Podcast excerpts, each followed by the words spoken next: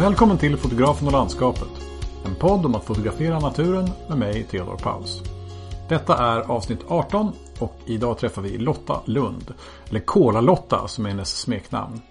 Hon kommer berätta för oss om naturen som tillflyktsort, om den nära relationen till brukssamhället där de bor och om kameran som ständig följeslagare. Och så får vi lära oss lite om hur man milar kol också. För egen del har jag försökt scouta lite nya jaktmarker för bilder. Jag har ju försökt ta bilder väldigt lokalt men jag får medge att det är rätt svårt. Det kanske säger mer om mig än om naturen mellan husen där jag bor. Men jag blir ofta ändå lite mer inspirerad av platser som ligger lite längre bort. Vilket är synd för det är ju sällan man får resa så långt bort som man skulle vilja. Även min närmaste nationalpark Tyresta har jag en lite knepig relation till. Jag har varit där mycket men jag har bara ett fåtal bilder därifrån som jag är nöjd med. Det är mest en massa skog, svårt att hitta någonting i kan jag känna.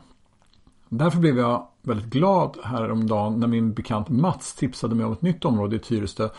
Nämligen stigarna runt sjön Tyresöflaten i norra delen av parken. Jag var där och rekade häromdagen och kände att här fanns en massa potential. En annan blandning av skogstyper, en del branta klipper och fina vyer över sjön. Så det finns säkert guldkorn närmare mig än vad jag tror. Bara jag tar mig tid att hitta dem och inte har så bråttom som jag brukar ha. Och eh, kanske om jag får lite bra tips från Mats och andra vänliga själar. Tack för det. Som vanligt, ta gärna kontakt med mig på sociala medier och berätta vad ni tycker om podden. Jag finns på Instagram och på Facebook. Gå gärna med i Facebookgruppen för podden också. Där berättar jag om kommande avsnitt och vi fortsätter samtalet. Länkar till mina konton, till Facebookgruppen och till Lotta Lunds Instagram och hemsida finns i anteckningarna till poddavsnittet. Och om du gillar den här podden och vill höra fler avsnitt, glöm inte att prenumerera i din poddspelare. Så missar du inget avsnitt. Men nu, låt oss börja dagens avsnitt. Välkommen till fotografen och landskapet Lotta Lund. Tackar för det. Du sitter i ett växthus när vi spelar in det här har jag förstått.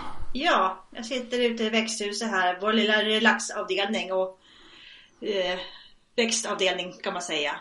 Och, och, den befinner sig någonstans i eh, närheten av Strömsbergs bruk, stämmer det? Jajamän, Strömsbergs bruk uppe i Norduppland.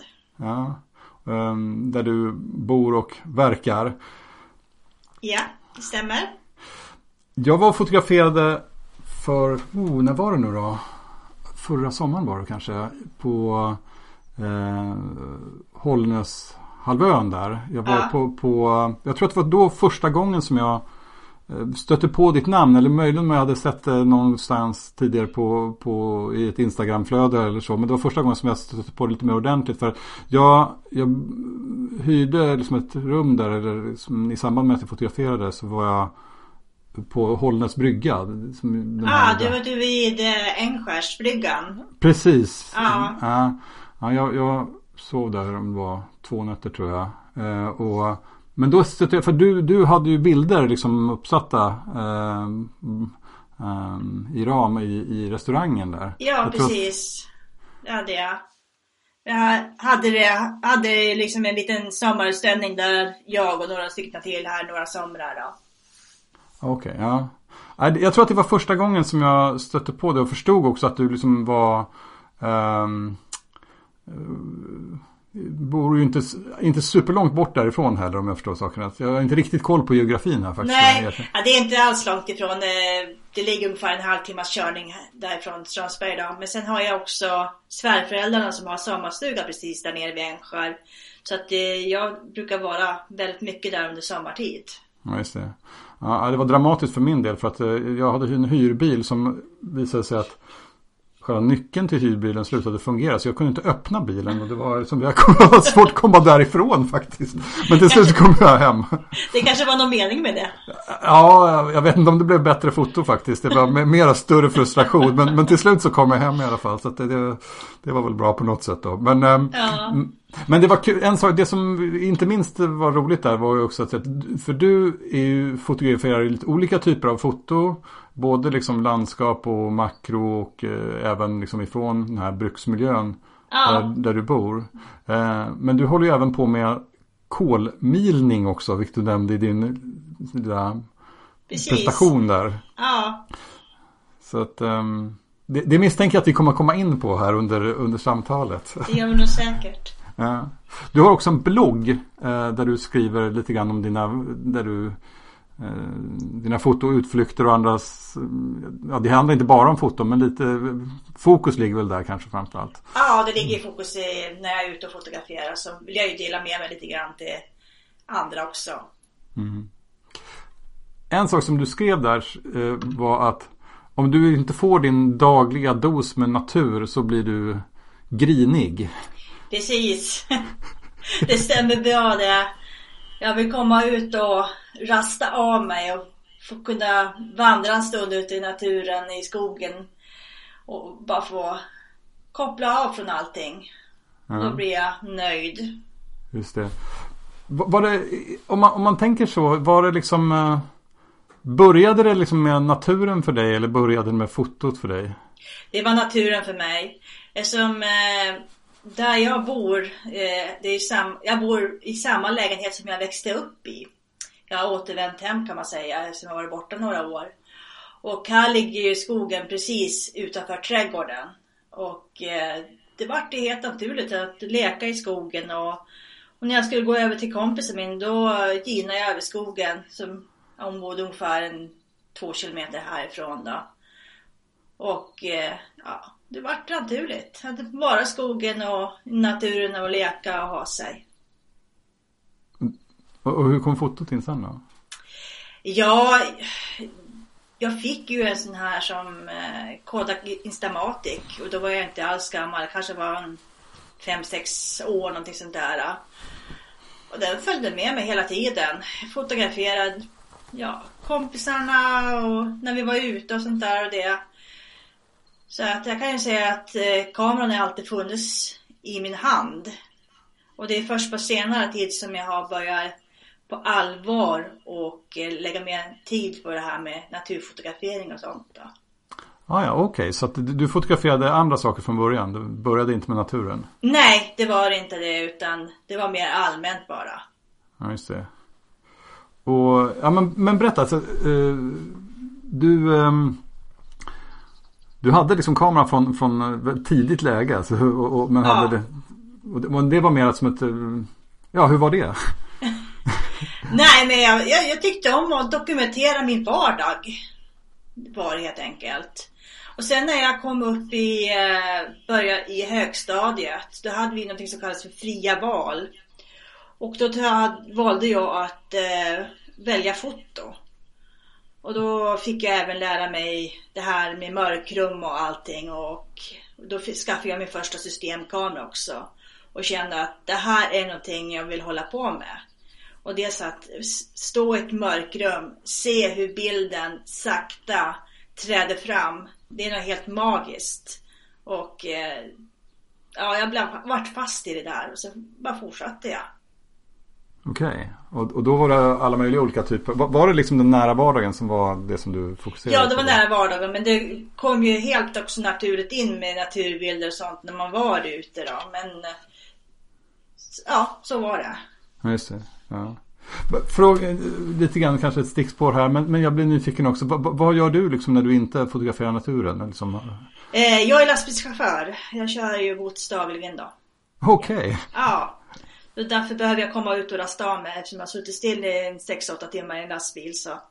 Alright. Rör du dig liksom uh, över hela Sverige då eller? eller? Nej, det är det inte utan jag kör ju min dagliga tur upp till Mora då, fram och tillbaka. Ja, ja. Okej. Okay. Alright.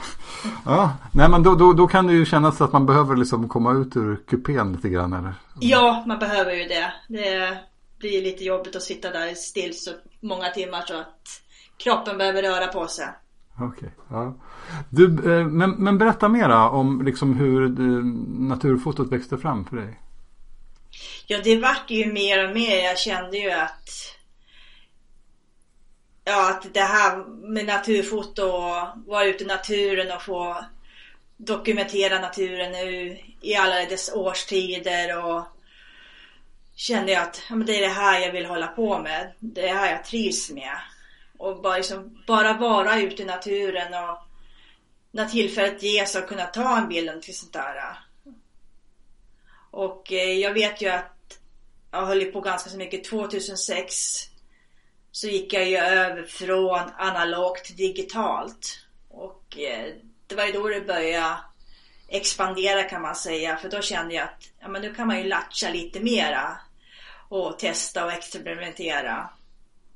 Och 2012 då kände jag att nu vill jag försöka få lite mer verktyg och kunna arbeta med naturfoto och sånt. Och då gick jag min första workshop i Österlen med Patrik Larsson och Magnus Livdom.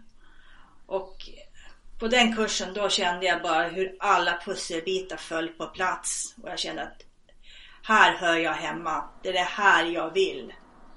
Och sen har det bara växt mer och mer. Har det gjort. Vad, vad var det du fotograferade då? Ja, det var ju naturfoto då eh, med Magnus och Ja. Patrik då. Och de var ju otroligt duktiga lärare och lära ut allting.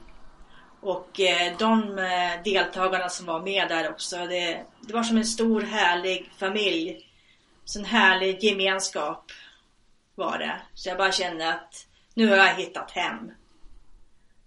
Och Ja, sen har det blivit så att man gick några workshop till men sen kände man att nu har jag mina verktyg att kunna arbeta med. Så att, eh, ja. Ja, Det, det, de där två personerna har nog satt en ganska stor prägel på svenskt eh, naturfoto. Många människor som har liksom passerat och blivit eh, vägledda av dem. Eh, jag, Ja. har ju, jag har jobbat mycket med, med Båda har ju varit med i podden tidigare. Magnus har jag aldrig träffat mer än att jag har pratat med honom så här. Men Patrik har jag ju haft mycket med att göra. Så att jag, Mm. eh, att, jag tror att det är... De är Ja, de- otroligt ödmjuka. Och de ser eh, personen, vad den behöver och utgår från deras eh, perspektiv. Hur de, vilka hjälp de behöver.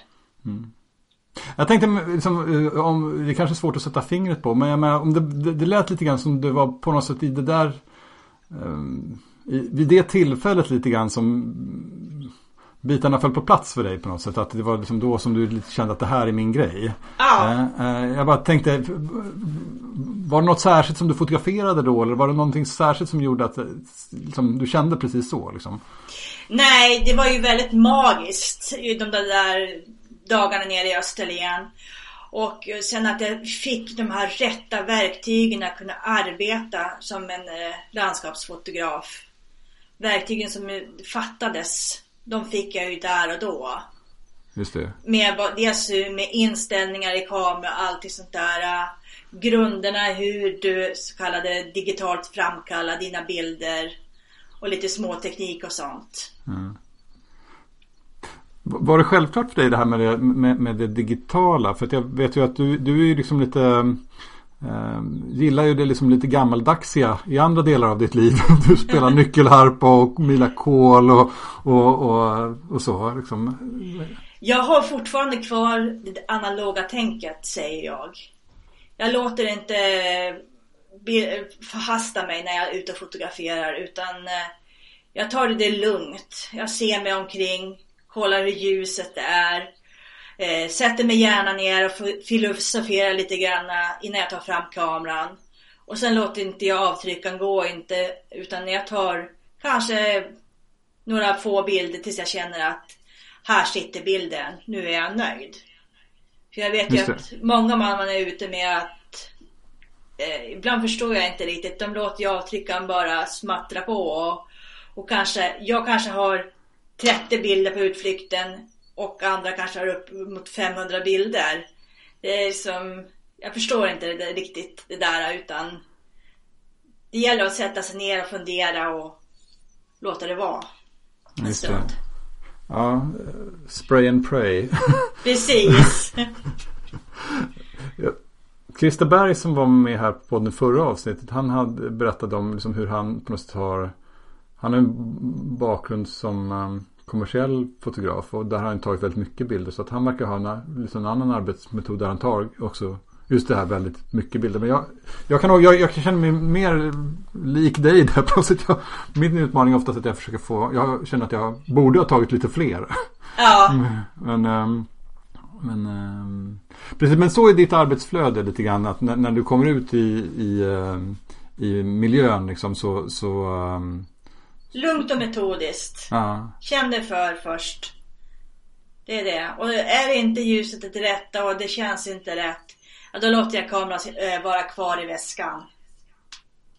Ja, du, kan, du känner att du har liksom prestationskraven är inte större än så att du kan liksom låta ögonblicket vara Ja, det som är belöningen, tillräckligt belöning liksom. precis. Det är väl lite mer press. Eh, Jag tycker ju om att ut och resa och fota och sånt också. Där finns ju en större press att man vill ju gärna ha bilden där man är där och då. Och då blir det ju en större press då men ja, man får ju ta lite lugnt ändå. Det verkar inte ha liksom eh, varit så mycket press att du har liksom, snarare um, inte kunnat prestera i alla fall. För att du har ju väldigt fina bilder som jag har sett från eh, Skottland och andra platser. Nu har jag nästan lite fåglar bakom i, i växthuset i bakgrunden där, är det så? Det stämmer det. Ja, det tycker jag känns välkommet. Välkommet med lite fågelsång i podden också. Jag har bofinken här utanför bland annat. Ja, ja, men han får vara med lite grann också. Ja. Ja, ja. Förlåt, nej men ehm, precis, det verkar ju funka bra. Men om man tittar på när du är ute i din närmiljö liksom. Eh, Ja. vad, vad är det som du vad är det som du letar efter? Ja, vad letar jag efter? Det, det kommer till en när jag är ute. Jag har inte några sådana stora krav att nu ska jag ta en blomma, nu ska jag ta ett träd. Utan när jag är ute och går sådär så Ja, då ser jag helt plötsligt, ja men där har jag någonting intressant. Där kan jag kanske ta någonting. Och så går jag runt och tittar, kikar lite grann på ljus och sånt där. Så det kan vara en, ett träd som ligger ner, en blomma som har en speciell vinkel och mot ljuset och sånt där. Mm. Så det är motiven som kommer till mig utan... Ja, det är motiven som kommer till mig. Just det. Och, och, är det liksom motiven som är det som på något sätt ehm, som du letar efter om man säger? Liksom det, jag kan tänka mig att i, i vissa en del människor pratar liksom om att de är mer driven av att hitta en speciell stämning eller liksom någon speciellt. Men, men är, är det liksom bildobjektet om man säger liksom som är det som du letar efter? Ja, jag går runt och tittar och kikar. Det gör jag. Och sen är jag mycket för linjer och sånt. Har jag upptäckt. Alltså som leder in ögat i motivet.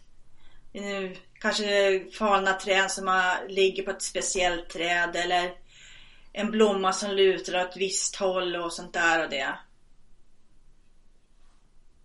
Så det, Just det. Ja. ja.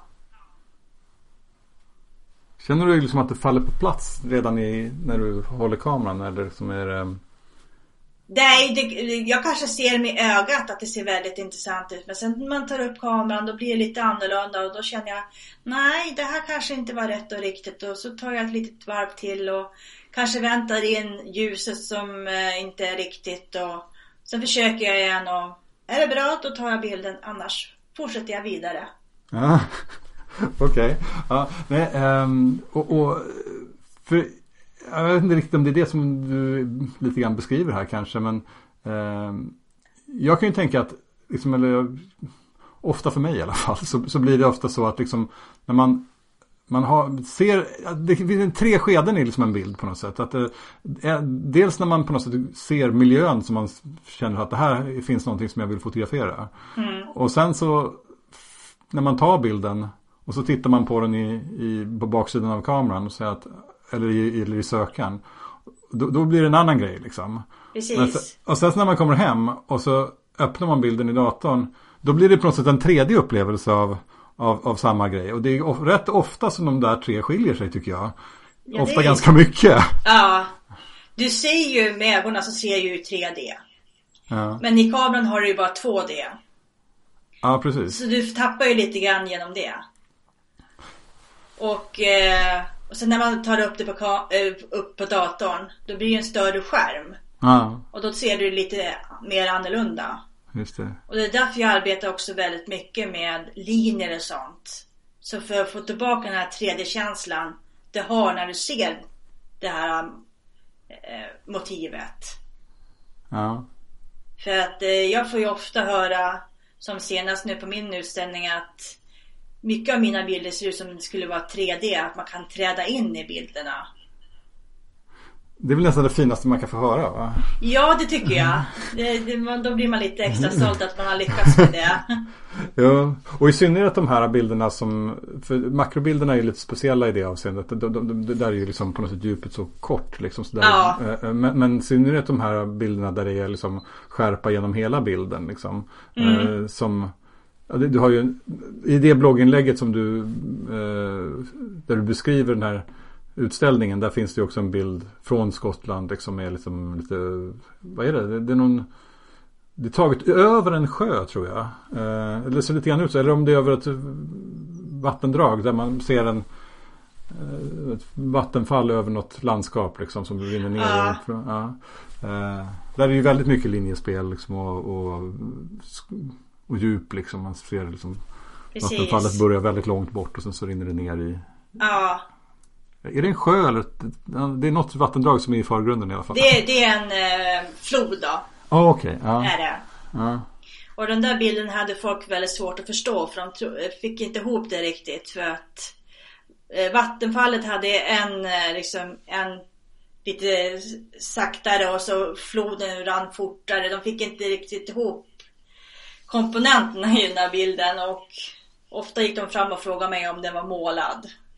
Med, med pensel menar du? Ja, Ja. Det är också ett väldigt fint betyg tycker jag. Eh, I alla fall så gillar jag den känslan liksom när man lyckas hitta en bild som, eller när man tar en bild som på något sätt känns lite grann som den ja, får en någon slags målerisk eh, klang. Den där bilden var ju väldigt mycket så tyckte jag.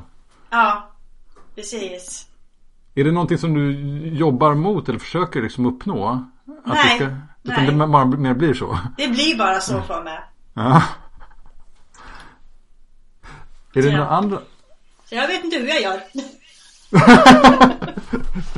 Ja men det verkar ju funka. Ja, det gör ju det.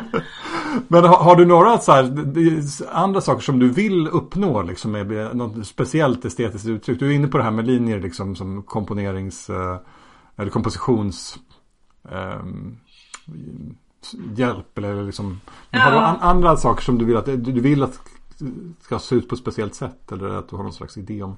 Nej, utan det, det, det bara kommer till mig när jag fotograferar. Utan det får bli som det blir. Så blir det ett resultat av det. Okej. Ja. Men du, du, du har ställt ut rätt mycket av dina bilder också, inte minst lokalt. Ja. Eh, bland annat är jag ju mera som är varje påsk då, konst på väg. Och eh, där får man ju först ansöka för att få vara med då. Och där kommer jag ju med då. Så att jag har ju varit med snart en 5-6 år någonting då. Just det. Och sen försöker jag ju ställa ut lite grann. Lite lokalt också då. Just det. Det var en ganska speciell utställningslokal där som du ställde ut i. Det är också en del av den här bruksmiljön. Ja, det är ju det. Eh, Jag är ju bruksguidad så att jag har ju guidat en hel del folk runt omkring och varenda gång jag kom in i den där lokalen så drömde jag om att få kunna få ställa ut mina naturbilder just i den där ruffiga lokalen. Vad är det för lokal alltså? Det är en gammal turbinhall. Eh, Man eh, såg till att man fick elektricitet därifrån och ut på bruket. Just det. Och när jag frågade stiftelsen om man får ställa ut där så tyckte de ja men det låter ju väldigt intressant. Och, men då måste vi ju göra ordning lokalen och eh, måla och kalka väggar och till sånt där. Men då sa jag till på skarpen att gör inte det utan det är den där ruffiga miljön som gör att eh, naturbilderna kommer bli väldigt speciella. Just det. Ja. För det passar väldigt fint till den där ruffiga miljön mot naturbilderna. Det. Det, det är ett, gammalt järnbruk va? Eller? Ja, det är det. Det här är ett gammalt vallonbruk. Eh, Det anlades 1643. Och så gjorde man järn, stångjärn ända fram till 1920 när den lades ner då. Okej. Så du, du har guidat liksom, eller du kanske gör det nu också? Ja, det gör jag fortfarande. Eh, Brukets historia och järnhanteringen, det sitter i ryggmärgen. Okej. Ja. Och det var någonting också från barndomen när man hängde med gubbarna när de guidade grupper. Så att Då hängde man med där. Just det. För att, och, och, för på din blogg finns det också, eller på din hemsida också, så finns det ju en hel del bilder ifrån den här bruksmiljön också. Ja. ja. Men, och, och, där är också naturen är närvarande hela tiden liksom i, ja, även mellan husen om man säger. Liksom. Precis. Ja. Jag bäddar in eh, den gamla historien med naturen. Ja, just det.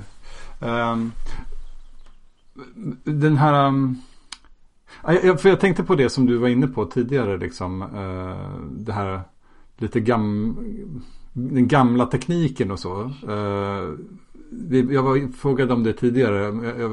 Om, uh, jag menar, nu är foto idag är ju så väldigt mycket ny teknik om man säger. Liksom, ja. det, att det är liksom varje kamera har eh, si och så mycket bättre liksom, tekniska förutsättningar och, och liksom eh, har, är du en sån person som söker liksom maxa det där nya tekniska? Eller? Nej, det är jag ju inte.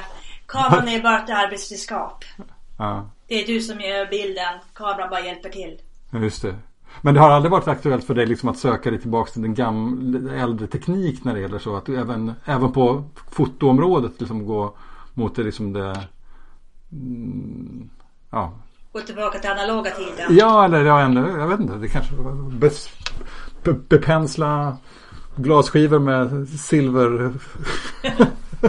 Nej, det har jag inte riktigt tänkt faktiskt. Jag har ju en hasselbladare liggandes hemma som jag tänkte att jag skulle försöka sätta igång och arbeta med. Men man blir lite bekväm av sig med det digitala faktiskt. Ja.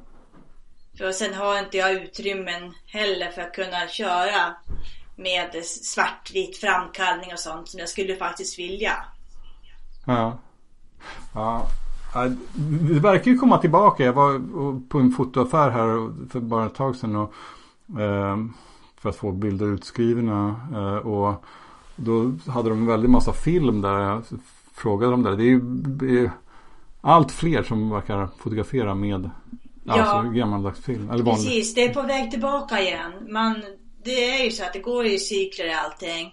Och nu börjar folk upptäcka den här gamla tekniken igen och det tycker jag är jättekul. Ja.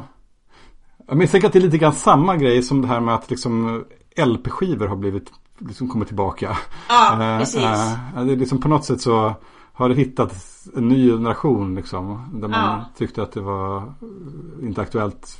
Och sen så blir det det på något sätt igen. Det är någon annan typ av Det är något annat som, som, som man hittar genom att använda en, en äldre teknik liksom. Precis.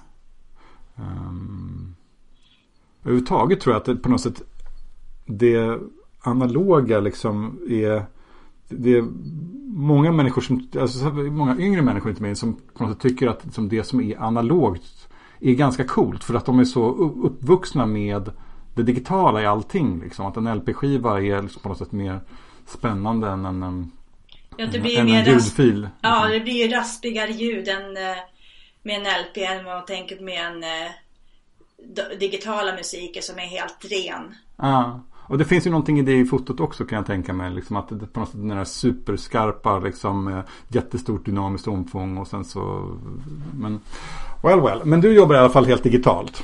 Ja, men när vi säger det här med gamla tekniker. Det är så att eh, jag kör ju med gammalt objektiv mm. på makro. Och det är en gammal Pentacon. Okay. Objektiv som jag kör med som jag tycker, jag tycker om det här eh, bokén som det objektivet ger. För att eh, det behöver inte alltid vara knivskarpt. Nej, där är väl halva grejen att det inte ska vara det. Ja, det är ju det. Jag fick nästan en utskällning här när jag visade upp mina makrobilder på fotoklubben här. Och han sa att ja men det är ju inte skarpt. Nej, det är det som är meningen sa jag. Och han förstod det inte riktigt. Okej. Okay, ja. ja. Nej, uh, precis. Um, det, där verkar det ju nästan, när det gäller makros så, så, verkar det ju finnas nästan som en um, um, ja, Där kan man på något sätt vara finsmakare när det gäller objektiven för att hitta den rätta oskärpan. Det verkar ju vara många som på något sätt letar efter gamla objektiv för att hitta ja. Liksom. Så att, uh, ja. men just det. Men när vi pratar om det här gamla så måste vi ändå komma in på lite här som också Du, du, du har ju du kallar det för Kola-Lotta. Eller jag vet inte om det är, hur det är, om det är andra som mest kallar det. Men det i alla fall heter ditt, um, din blogg så. Ja, och det beror ju på att vi är fyra stycken här i bruket som heter Lotta. Jaha, så då fick du bli Kola-Lotta? Då fick jag bli Kola-Lotta för att kunna särskilja oss fyra. Okej, okay, ja. Ja. Men det kom inte av sig självt bara det där, det där namnet utan det har ju också med kol, kolmilning att göra. Ja, det har med kolmilan att göra. När vi håller på kolar och sånt. Berätta, det, där, det här har ju ingenting med foto att göra men när, jag måste få höra lite grann om vad det där är för någonting. Alltså, Eh, eller hur kom det upp? Ja, det- Vad är en kolmila till att börja med om någon inte vet det? Eh, kolmila. Eh, det här är ett urgammalt hantverk som har funnits i många, många tusen år. Och eh, du reser in veden och så täcker du över så det blir helt syrefritt. Och så tänder du på eh, veden och släpper in lite, lite luft. Så att det bara kolar inne där. Och eh, till slut så har du bara ett rent kol. Allt annat är ju bortbränt då. Och eh, kolet använder man ju till förr i tiden att dels till kruttillverkning men också till järntillverkningen. Just det. Så att det var ju väldigt viktigt för att kunna göra både krut och järn. Men nu finns ju inte det här uh, hantverket kvar eller yrket kvar längre utan det är vi entusiasterna som håller på med det för att kunna visa det hur det såg ut en gång i tiden. Det, det fanns en tv-serie när jag var liten som hette, tror jag, Träpatronerna. Det stämmer. Kommer du ihåg den? Ja, det gör jag lite grann. Det- Visst var det trä- kolmilning som förekom i den också? Det gjorde den säkert. Jag kommer inte riktigt ihåg men det skulle jag förmodligen Ja, tro för att det jag, gjorde. jag vill minnas att det var någon, någon, någon, liksom, um, någon familj som tillsammans eh, gjorde en kolmila där och liksom, det var väldigt eh, påvert, eh, fattigt och, då, och det var viktigt att man inte liksom, den, där, den fick inte börja brinna Nej, eh, mera liksom. Man får ju bara släppa in jättelite syre liksom. Att, eh, precis. ja. Eh, Men det här har du hållit på med ett antal år alltså, eller? Ja, vi har försökt räkna ut om det är 16 eller 17 år vi har hållit på med det här.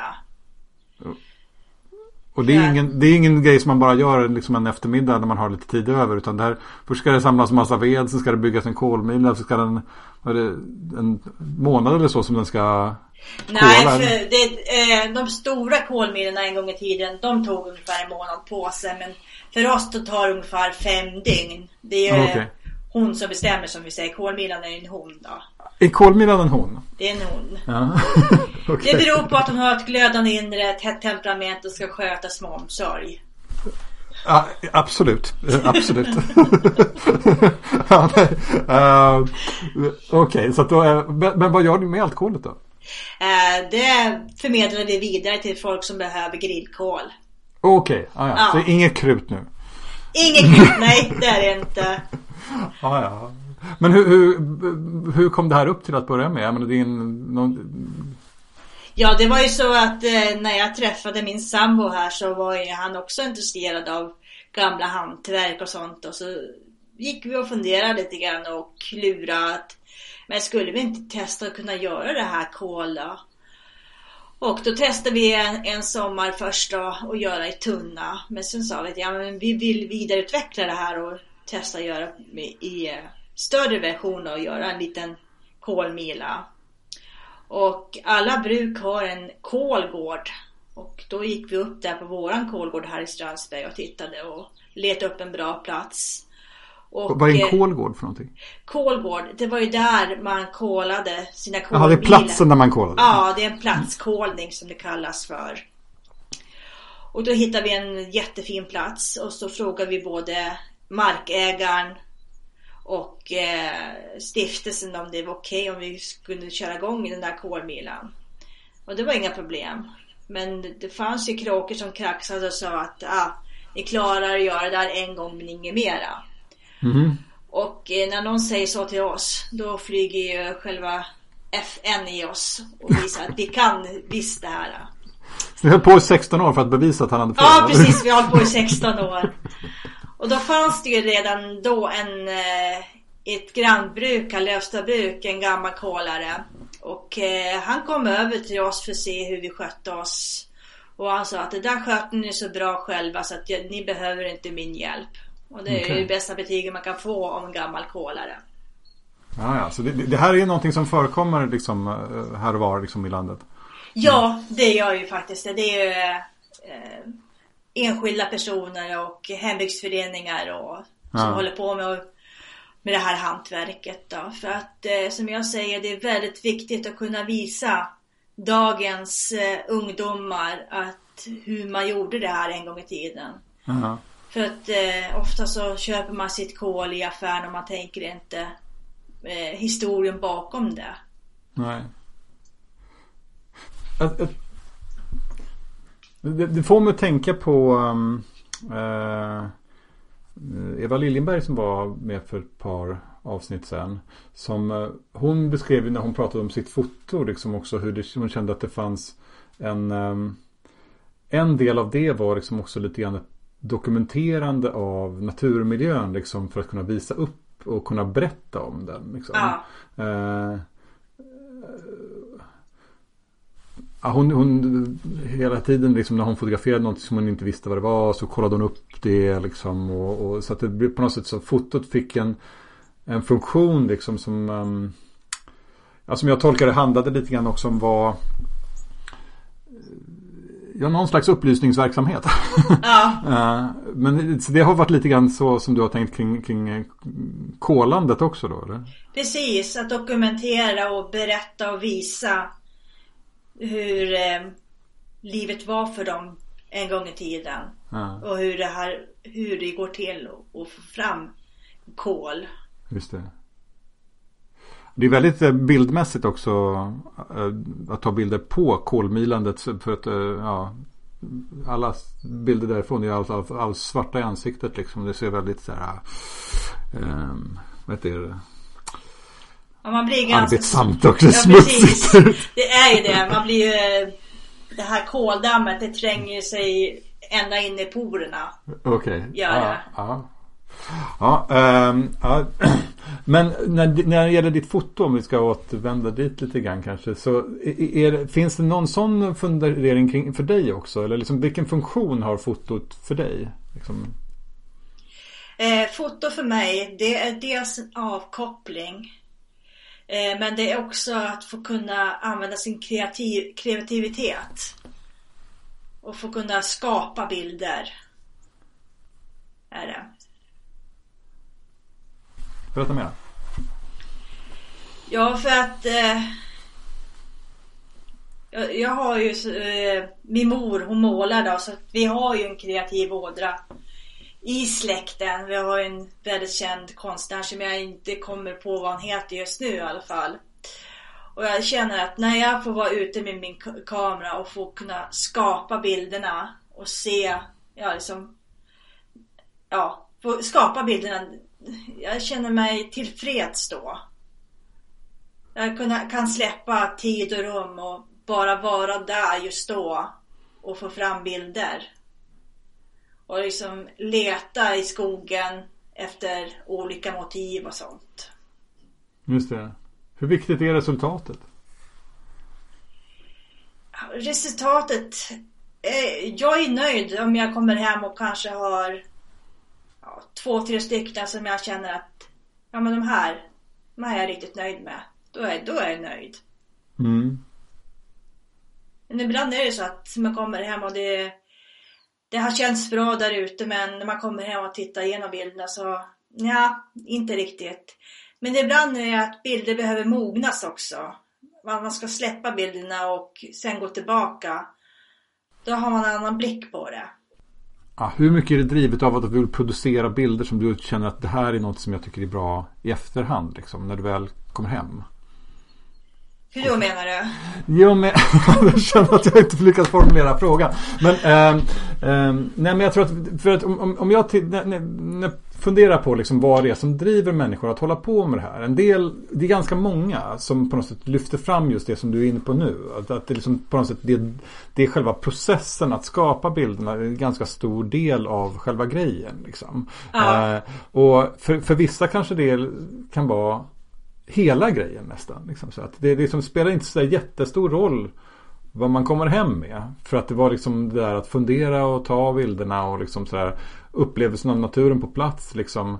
Kameran blir nästan en förevändning för att få vara i naturen. Liksom. Mm. Eh, men eh, inom andra konstformer, jag tror att det är rätt få som målande konstnärer till exempel. Som säger så att ja, hela grejen är att få vara i ateljén och liksom eh, hålla på med sina färger. Liksom. Jag tror att där är på något sätt resultatet viktigare. tror jag. Ja. Eh, på något sätt. Och, att, eh, så jag tänkte höra. Det var lite grann det jag funderade på. Liksom, hur, hur, hur du ser på den balansen. Liksom. Jag, så att säga, kommer jag hem med bilder då är jag ju nöjd. Men att bara få vara ute och få vara i naturen. Det är också bara en stor upplevelse. Och få kunna koppla av. Det blir så meditativt på något sätt att få gå där med kameran och fundera och titta och se om det finns någonting. Mm. När blir du riktigt nöjd då? Jag känner att där satt den. Ja, ibland blir det så att man känner att ja men här, nu, nu fick jag bilden. Och då känner man sig nöjd och så blir det nästan att man stoppar ner kameran i väskan för att man tycker att nu har jag fått bilden. Ja. Och är det något särskilt som du känner liksom att det är något särskilt som du letar efter eller som på något sätt gör att det blir sådär bra liksom? Det känns rätt helt ja. plötsligt bara. Att, ja. Ah, här satt den. Just det. Mm. Ja. Um, kan, kan, du känna igen dig i det här som jag var inne på tidigare? Liksom att liksom, det kanske känns, man kan få den här känslan att ah, där satt den. Och så kommer man hem och så tittar man på bilden i datorn liksom, eller skriver ut den och så känner man att ah, men det var inte här. Det här var någonting helt annat än det jag tänkte där. Eller ja, så, ja. Det kan ju hända det också. Man tror att man har fått bilden. Man, det känns allting känns jättebra. Och så kommer man hem och så tittar man liksom. Hur var det jag tänkte egentligen? det här var ju inte som jag tänkte där ute i skogen inte. Ja, ja precis. Jag, jag har noterat också när jag läst din blogg att, att, du liksom jobbar ibland med stativ och ibland utan. Liksom även när ja. du tar liksom, hur ser liksom arbetssättet ut i fält? För du har ju beskrivit det lite grann. Liksom, eh, men, men... När det gäller makro och sånt. Mm. Då går det inte att ha stativ. Nej. Nej. Men när jag fotar landskap och sånt då försöker jag ju använda stativet då så gott ja. det går. Ibland vill, går man ju ut ändå och då följer ju inte stativet med inte utan då försöker man ju ta på fri hand och försöker vara så stadig som möjligt och ha en väldigt snabb slutartid. För att eh, landskap är mer känsligare för skak och skärpa än när det gäller makro, makro tycker jag. Ja, precis. Och, ja, men, men, du är ute mitt på dagen även. Eller det har jag ju sett i dina bilder. Att även dina landskapsbilder är en del tagna liksom, i fullt dagsljus. Ja, jag försöker undvika full dagsljus. Det är liksom kväll och morgon som gäller. Det är så? Men ja. är man ute i skogen och sånt då kan man ju köra ja, dagsljus också. Men då ska det helst vara en eh, himmel med moln. Just så det. att ljuset eh, kan döljas, eller solen kan döljas lite grann av molnen. Så att ja. det dämpas. Ja, så det inte blir allt för skarpt liksom. Ja. ja. För att, eh, som jag brukar säga, stoppa ner landskapsfotograferingen under sommartid. Utan då kör jag bara makro för att det blir för hårt ljus under sommartid. Just det.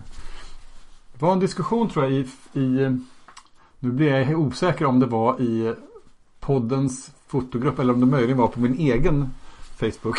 Men i vilket fall om det här med liksom, uh, att fotografera mitt på dagen. Uh, liksom, och, och, och uh, hur man ser på det. Om det går att få till bra grejer även liksom i om man säger fina solskensdagar. Liksom. Det är ju allmänhet svårare. Det, jag tycker det är jättesvårt att fotografera när det är så här riktigt skarpt ljus för, vad heter mitt på dagen och sånt. För det blir så mm. hårda skuggor och sånt så att det, det, det är svårfotograferat. Utan bästa ljuset det har precis när solen går upp eller när den är på väg ner. Mm. Precis. Ja, uh, jag, var, jag var i London uh, ja, för ett par veckor sedan. Eh, och då av en händelse så gick jag förbi en, ett galleri som hade en utställning av en naturfotograf. Eh, bara det tyckte jag var ganska kul. Det, ganska, det händer ju inte så jätteofta i Sverige. Nej. Att man händelse går förbi ett galleri som ställer ut en naturfotograf. Men, men London är ju en lite större stad. Men, ehm, men där ehm, eh, det, där var det många bilder som var tagna i fullt dagsljus. Ja. Liksom, med, med, med liksom, eh, men det blir lite annorlunda. Och, och, eh, det var någon som sa att det, det där på något sätt skarpa, hårda liksom ljuset liksom är ofta, då det är mer när fotot drar mer åt konst liksom. Den här naturfotovärlden liksom, den- den är ju ofta som du är inne på själv liksom ganska fokuserad på det här ehm, ja, mjuka skymningsljus. Mjuka ljuset, ja. ja. Mm. Ja, ja. Men du har också varit engagerad i, ehm, i um, Biofoto Sverige. Precis, jag sitter som ordförande i den föreningen. Ja. I, i, om man tänker i den kapaciteten, liksom, hur tycker du, eh, vad, vad är dina reflektioner kring naturfoto i Sverige idag? Liksom, vad, vad, hur, hur är um, status för, för, um, för, för naturfotovärlden? Är det, är det bra stämning? Det är väldigt bra stämning där. Det finns otroligt mycket duktiga naturfotografer som verkar i, i det fördolda faktiskt. Eh, Jag ser ju eh, när vi har våra utställningar och eh, folk går runt och tittar på bilderna att det är en väldigt hög klass på naturfoto. Ja. Så att det, det är väldigt kul för att det är många som håller på. Vi är 500 medlemmar i biofoto nu. Just det. Och ser du några trender liksom i, i den gruppen av fotografer? Eller liksom, det någonting som kommer mer? Eller någon...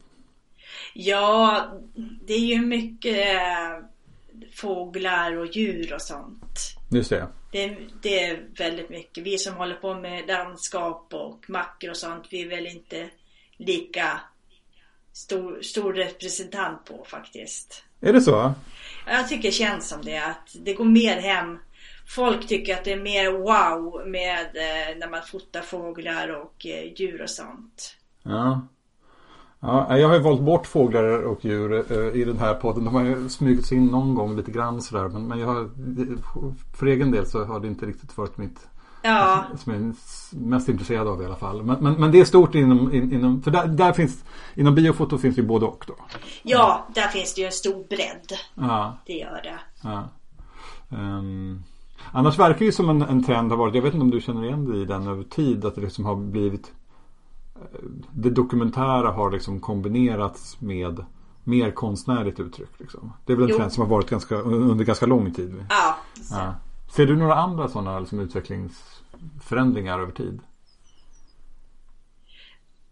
nej, det har jag inte tänkt på faktiskt. Nej, Något- inte jag kan säga så här inte. Nej. Men, eh, eh, men då tänker jag att vi, vi eh, behöver också komma till de mera avslutande frågorna här. Och varför, I den kapacitet som du är nu, här, vi är ordförande i den här föreningen. Eh, då måste du ju ha världens bästa läge att kunna tipsa om andra fotografer som skulle kunna vara med i den här podden. Ja, det skulle jag kunna göra men eh, de är inte medlemmar i Ja, okej. ja, ja, all right. Nej, men absolut. De kanske kan bli det. Ja, precis. Finns det några som du skulle, som tror skulle kunna passa i det här eh, som gäster i podden framöver? Ja, eh, jag tittar lite grann eh, vad som finns runt omkring mig här hemma. Mm. Och då finns det en kille som heter Patrik Norlin. Som är väldigt Patrik duktig. Norlin. Norlin ja, som är väldigt duktig landskapsfotograf. Han kör ju också även lite fotoresor och sånt och eh, kurser. Okej. Vilken typ av bilder tar han? Eh, han kör landskap. Ja. Det är mycket landskap. Där. Mm. Yes. Sen har jag en tjej som bor lite längre söderut. Bra bit söderut, långt ner i Sverige. Och det är Helene Hjalmarsson. Ja, henne har jag träffat. Ja, Ja. Och, Väldigt eh, duktig makrofotograf. Ja, men inte bara. Ja, Eh, även andra bilder tar hon. precis. Ja. Hon Ja. hade utställning helt nyligen tror jag.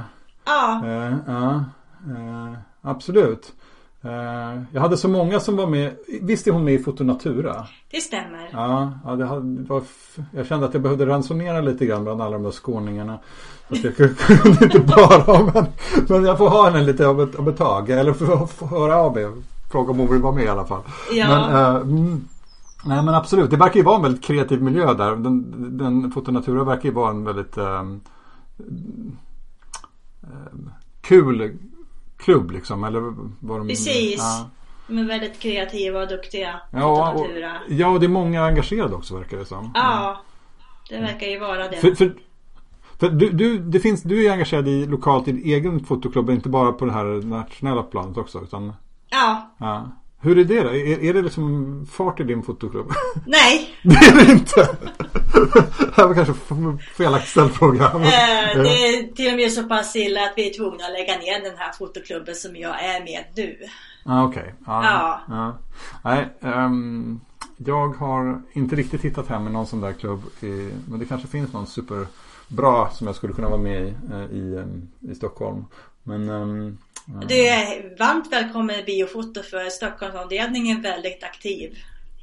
Ja, precis. Jag har, sett, jag har varit lite så här, eh, smyg med. Genom att eh, det finns ju en Facebookgrupp för Biofoto Stockholm som jag har varit med i. Så jag har sett att det har varit utflykter och så. så att, Ja. eh, ja, absolut. Ehm, sista fråga. Eh, har du några liksom, tips till den som vill jo, ägna sig åt landskapsfoto och naturfoto?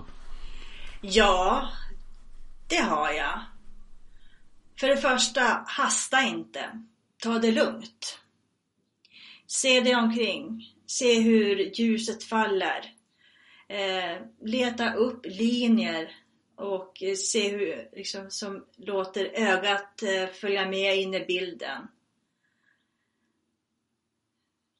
Ja, ta helt enkelt lugnt. Och smattra inte av utan fundera lite grann innan du trycker. Ta gärna en fika först. Det, det, var, det tror jag var det var ett av Patrik Larssons viktigaste råd. Se till att ha mycket ka- kaffe med dig. När du... Jag är skolad därifrån. ja, nej men det, eh, absolut, det där är jättebra tips. Att, liksom att eh, fundera på, sug, liksom, vänta in, eller känn in stämningen liksom. Och Precis. ta, ta bilden när du liksom på något sätt har hittat vad det är som du vill eh, Ja, eh, fotografera. för det är det ofta jag ser när man är ute att folk har för bråttom. Mm. De ser som eh, när man kommer ut till någon plats där man ska fotografera. De nästan eh, kastar sig ut med kameran i högsta hugg och så sätter de upp och sen bara smattrar det. Medan jag sätter mig ner och tittar mig omkring och oftast går jag åt annat håll än vad de alla andra gör. Ja, För att inte få samma bilder. just det. Du, en eh, extra bonusfråga här till slut. Har, har du några mm, grejer på gång som vi bör hålla koll på? Är det några fler utställningar eller någonting? som Nej, just nu är det ju väldigt lugnt. Det Ja. är det. Jag ligger lite grann i, i vad heter det, lågvatten just nu för att eh, jag har en hälsa som inte är av bästa kvalitet. Ja, just det. Precis. Du, du, jag förstod det. Ja, Eh, Du har skrivit om, om um, det på din blogg också. Ja. precis. Ja.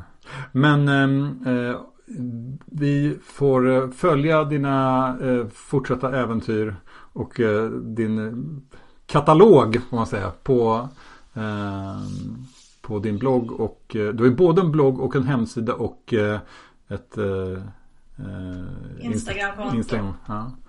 Så det finns alla goda förutsättningar att titta på dina bilder. Jajamän. Du med det så säger jag tack för att du var med idag. Tack så hemskt mycket att jag fick vara med.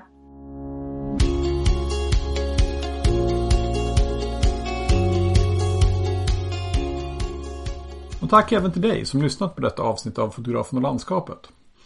Avslutningsvis skulle jag gärna vilja nämna ett tema som jag gärna skulle ta upp i kommande poddavsnitt och det är efterbehandling. Inom svensk naturfoto verkar många ha en rätt sparsmakad inställning till vad man kan, vill och göra i datorn. Idealet verkar vara att bilderna ska återge hur det var på plats, om än mera på ett konstnärligt sätt. Jag ser få naturfotografer i Sverige som jobbar med att kombinera olika bilder till nya landskap i datorn. Som arbetar mycket med lager eller som målar på bilderna digitalt i efterhand och där slutresultatet kanske ser rätt annorlunda ut än vad det gjorde i naturen när bilden togs. Sånt ser jag däremot en hel del utomlands och ibland ser det hemskt ut. Övermättade färger och överdrivet spetsiga berg som man har dragit i datorn. Men det kan också se oerhört läckert ut med mystiska naturmiljöer eller andra stämningar som bara är möjliga att skapa genom en kombination av kamera och dator. Finns det någon svensk naturfotograf som jobbar på det här sättet? Där arbetsflödet inkluderar en rätt stor dos kreativitet i efterbehandlingen. Tipsa mig gärna i sådana fall via Messenger eller ännu hellre i Facebookgruppen så bjud gärna in den fotografen till podden. Det vore roligt att höra tankar från någon som jobbar på det sättet. Lotta Lunds bilder hittar du på hennes Instagram och på hennes hemsida som finns i anteckningarna till den här podden. Där hittar du också länkar till min Facebook och min Instagram. Som vanligt, om du gillar den här podden och vill höra fler avsnitt, glöm inte att prenumerera i din poddspelare så missar du inget avsnitt. Och med det sagt, vi hörs igen om två veckor.